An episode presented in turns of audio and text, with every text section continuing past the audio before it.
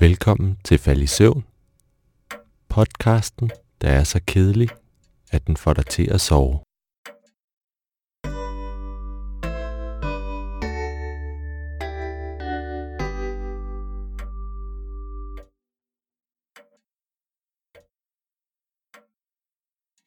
Når man kigger på et kort og ser på de nordiske lande, er det ofte Danmark, Norge og Sverige, der fanger ens opmærksomhed. Det er de lande, man kender bedst og kan forholde sig til. Norge og Sveriges sprog ligner det danske. Vi har en fælles historie, og vi føler, at vi hører ret tæt sammen. Sådan har jeg det i hvert fald selv. Derfor kan jeg godt nogle gange komme til at glemme Finland. Det ligger lige ved siden af Sverige. Men på en eller anden måde føles det som om det er ret langt væk. Svenskerne, de har det sikkert ikke sådan. De er jo naboer, og mange finder er rigtig dygtige til svensk. Finland har en befolkning, der er på størrelse med Danmark. Og derfor synes jeg godt, at man kan kalde Finland for et lille land. Også selvom det fylder ret meget på landkortet. Er det ikke rigtigt, Alberto? Jo. De har en befolkning på cirka 5,5 millioner. Men noget af det, Finland er kendt for, er jo de mange søer. Nogle gange bliver det kaldt de tusinde søers land.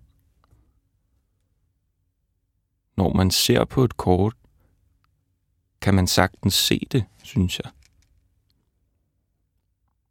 Det er som om, der er huller i landet. En masse små og store blå plamager, der egentlig fylder ret meget. Det er ikke søer, som vi kender dem herhjemme. Altså sådan nogle små og søde nogle. Der er nogenlunde runde i det. I Finland bugter og slanger søerne sig. Og de kan strække sig over hundrede af kilometer. De er spredt ud over det meste af landet. Der er søer over det hele, faktisk. Men de fleste af dem ligger i den sydlige halvdel af landet. For at illustrere, hvor i landet det er, kan man sammenligne det med Jylland. Så vil de fleste søer ligge ret tæt på hinanden, syd for Vejle. Hvis vi havde så mange søer herhjemme, tror jeg, danskerne vil holde til i de områder. Især når det er varmt om sommeren. Vi elsker jo at bade herhjemme. Og vi er vilde med at tage sommertøj på, så snart det bliver forår. Det kunne være, at området ville blive det danske Gardesøen og der vil åbne en hel turistindustri der, hvor vi kunne lokke en masse folk til, der vil se vores danske søer. Men ved du egentlig, om man overhovedet kan bade i Finlands søer? Ja, det kan man. De har masser af steder, hvor man faktisk kan bade. Rygtet siger, at alle finske småbyer med respekt for sig selv, de har en søstrand, hvor man kan bade fra. På finsk kalder de det en uimaranta. Det tænker jeg kunne være sjovt at have herhjemme. Vi har selvfølgelig nogle badesøer. På Sjælland har vi Furesøen, og Esrumsø er også god. Og så er vi jo så heldige, at vi har en lang kystlinje ud til stranden eller ud til havet, hvor man også kan bade fra. Det er ikke alle lande, der kan prale det. For eksempel så valgfarter tyskerne jo til Vesterhavskysten for at nyde de brede strande. Og når vejret er godt, så er der altså ikke noget bedre. Men finderne, de er jo ret heldige med at have strandene inde i landet. Det kan vi ikke prale af herhjemme. På den anden side er det jo ikke lige frem, fordi at man får lyst til at tage til Finland for at komme på badeferie. Det er måske lige koldt nok. Og så er der vist også ret mange myg om sommeren omkring søerne. Vi har myg nok hjemme om sommeren. Især hvis man er uden for de store byer. Men i Finland, og faktisk også i Sverige, kan den være helt gal om sommeren med myggene. De bliver store, og de bliver sultne. Og så er det altså ikke så sjovt at ligge på stranden, hvis man hele tiden skal være omringet af en masse myg. Vel? Nej, det kan du have ret i, synes jeg. Så er det nok sjovere at tage til den ægte Gardesø. Eller måske finde sig en anden god badestrand ude ved kysterne i for eksempel Sydeuropa. Der er jo nok at tage af. Man kan bade i Middelhavet, hvis man rejser til Italien, Spanien eller Frankrig. Eller i Adriaterhavet, hvis man har lyst til at besøge den italienske østkyst, eller nogle af Balkanlandene, der ligger lige ud til vandet. Der får man noget af det klareste, smukke vand, man kan få i Europa. Jeg synes, at Kroatien er et godt bud. De har en masse gode kystbyer og øer med god adgang til havet. Så kan man selvfølgelig også rejse helt ud for Europa. Hvis man har lyst til at komme længere væk. Så kan man tage så langt sydpå, at der er godt vejr hele året rundt. Det tror jeg altså ikke finderne kan hamle op med. De kan ikke konkurrere på vejret. Nej, det har du ret i. For vejret i Finland er helt klart i den kolde ende. Sydpå i landet, for eksempel omkring Helsinki, som er hovedstaden. I det område minder vejret ret meget om det danske og om det sydsvenske. De kan få en okay varm sommer, og de har også en forholdsvis mild vinter, fordi de ligger ud til kysten. Men hvis man tager op i den nordlige del af landet, så kan det altså blive virkelig koldt om vinteren. Meget koldere, end der kan blive herhjemme. Nordfinland strækker sig så højt op, at det er nordligere end polarcirklen. Så der skal man altså lige være opmærksom, hvis man vil op om vinteren.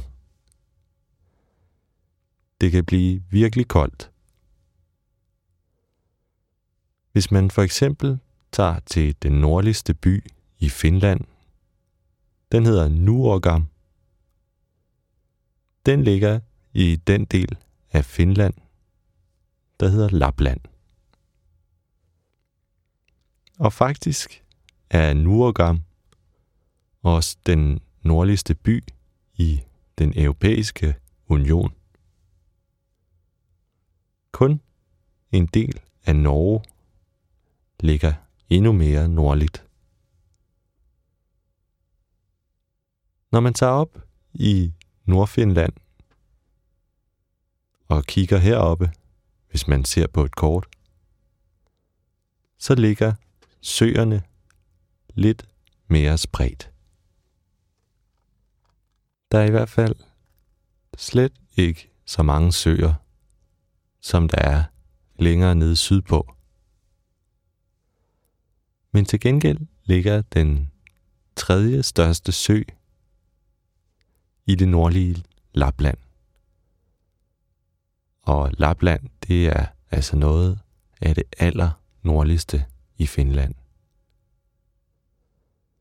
Den sø, jeg snakker om, er en sø, der hedder Inari-søen. Ja. Og Inari-søen, så vidt jeg ved, er vist kun overgået af to andre søer. Anden pladsen er vist Helgene, som ligger sydpå. Det er en kæmpe sø. Og det er faktisk herfra, at Helsinki får det meste af deres drikkevand.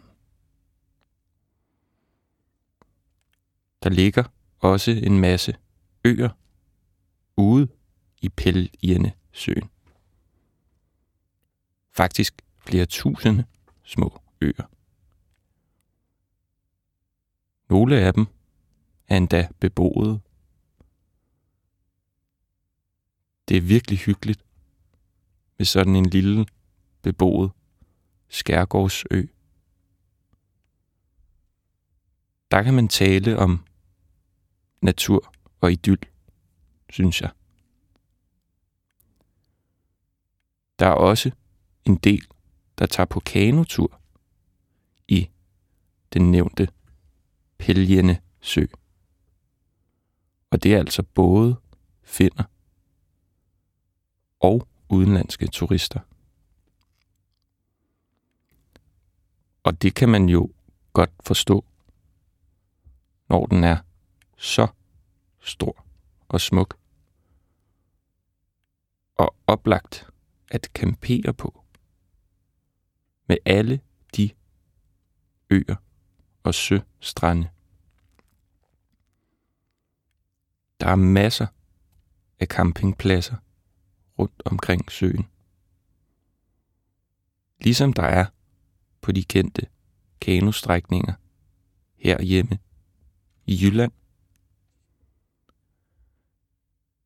Hvis man ikke er så vild med livet på en campingplads, og er lidt mere et friluftsmenneske, kan det også lade sig gøre at slå sit telt op uden for de mere beboede områder.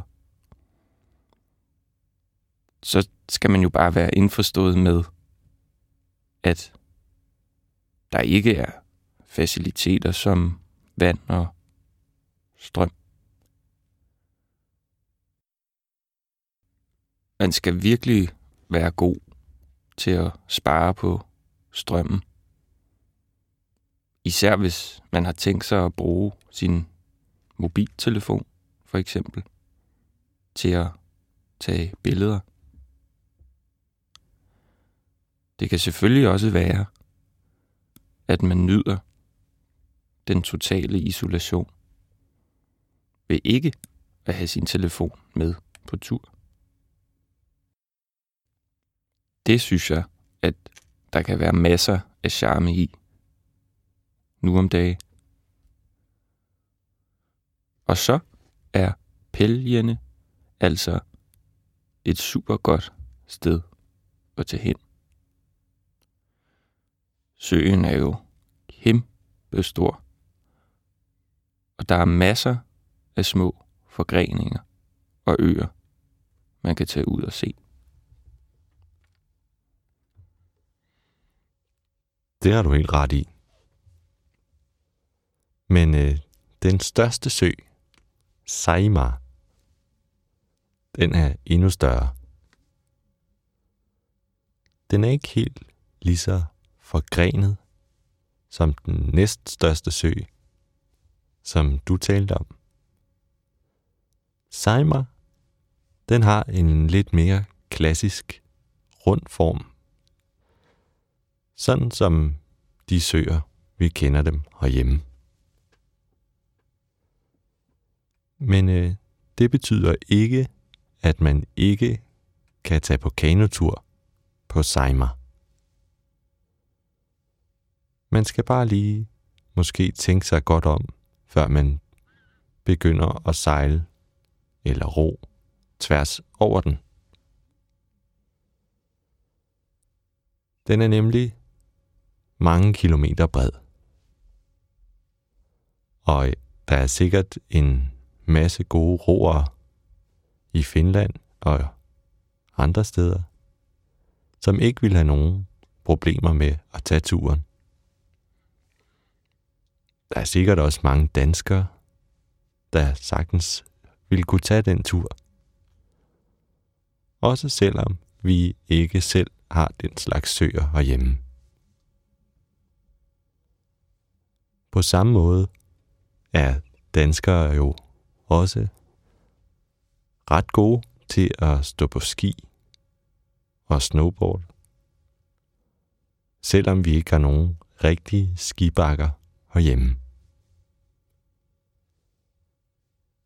Vi har selvfølgelig Roskilde Skibakke, som er den længste bakke i Danmark.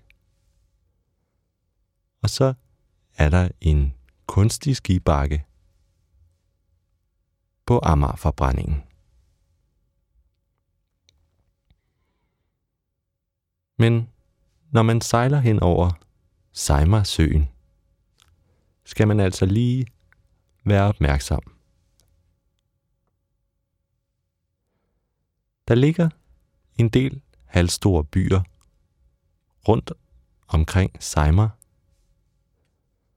og søen og dens forgreninger og kanaler, de bliver også brugt til at fragte materialer rundt mellem de byer, der skal bruge dem. Det kan for eksempel være træ, metal og andre materialer. Fra Seimer løber der også kanaler ud til de mindre søer. Og på den måde er der forbindelse til store dele af det sydlige Finland fra Seimersøen. Den ligger øst for Helsinki, men stadig i den nederste eller sydligste del af landet.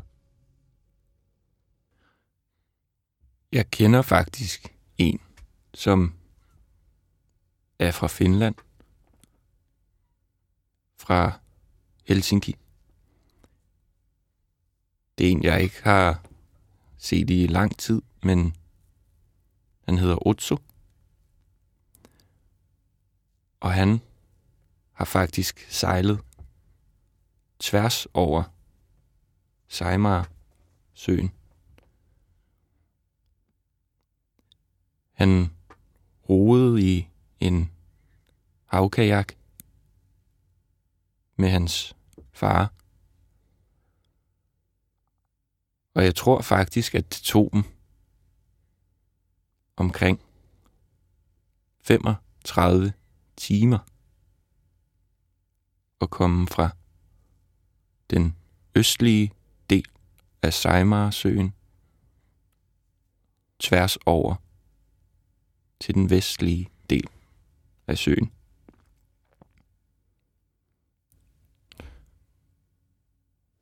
Nu snakkede vi jo også om vejret i Finland.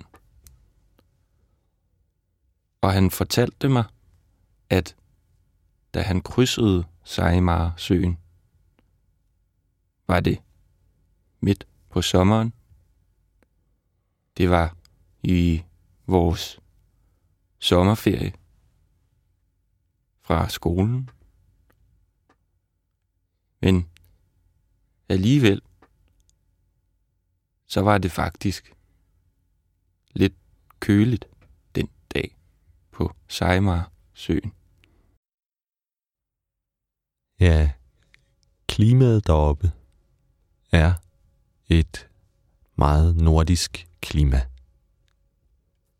Som jeg talte om tidligere, bliver det hverken rigtig koldt om vinteren, eller rigtig varmt om sommeren. Og noget andet, der er at sige om Seimersøen, som det også kan være, at din finske ven er stødt på, det er Seimer ringsælen. Seimer ringsælen bor udelukkende i Seimersøen. Det er en troet dyreart. Og lige nu, her i 2019, findes der cirka 390 eksemplarer af Seimer-ringsælen. Det er altså en meget troet dyreart. Seimer-ringsælen har været isoleret fra andre bestanden i mere end 9.000 år. Cirka 9.500 år, anslår forskerne. Grunden til, at det hedder en ringsæl, er den meget specielle og flotte udsmykning, som sejmersælens pels har. Den er nemlig fuld af ringe, der minder om sådan noget, man kunne se hos en leopard. En masse mindre sorte ringe, som er spredt ud over pelsen.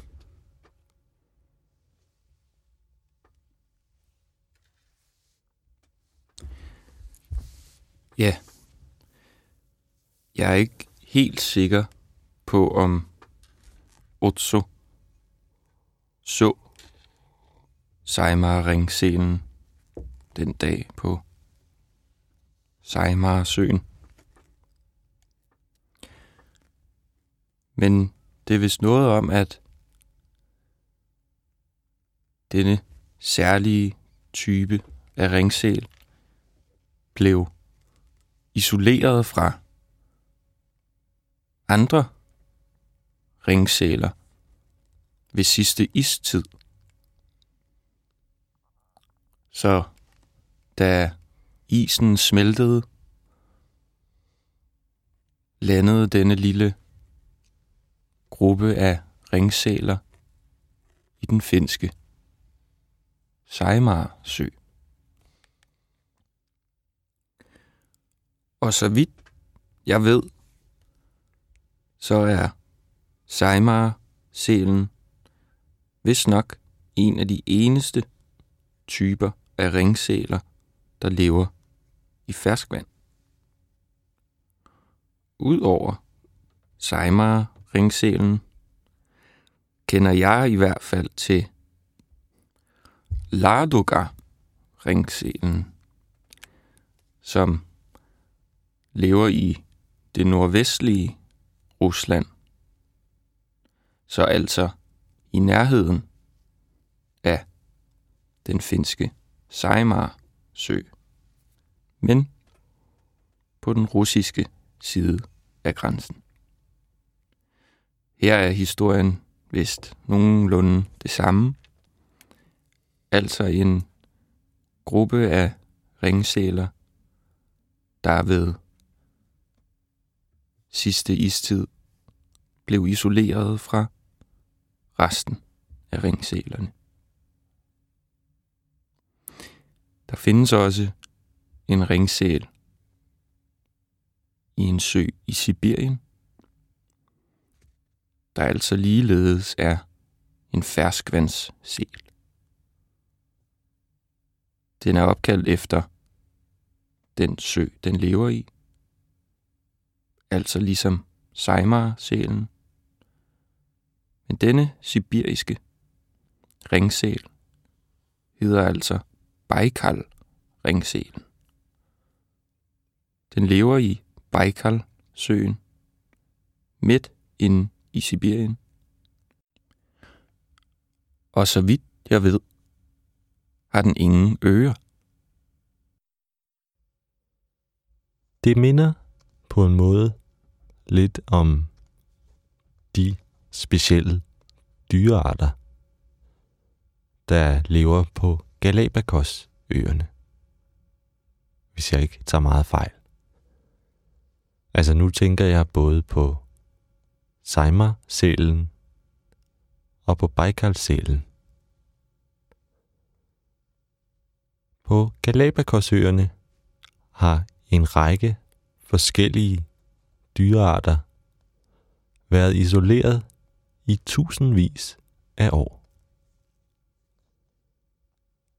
Evolutionen har gjort, at nogle af de her dyrearter har udviklet sig på en ret ekstrem måde. Nogle af dyrene er blevet meget større, end man kender dem fra andre dele af verden.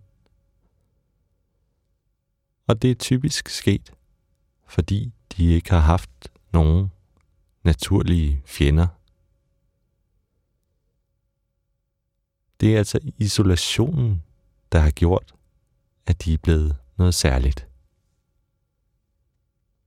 Det samme synes jeg, man kan sige om Baikal og Seimer-sælen.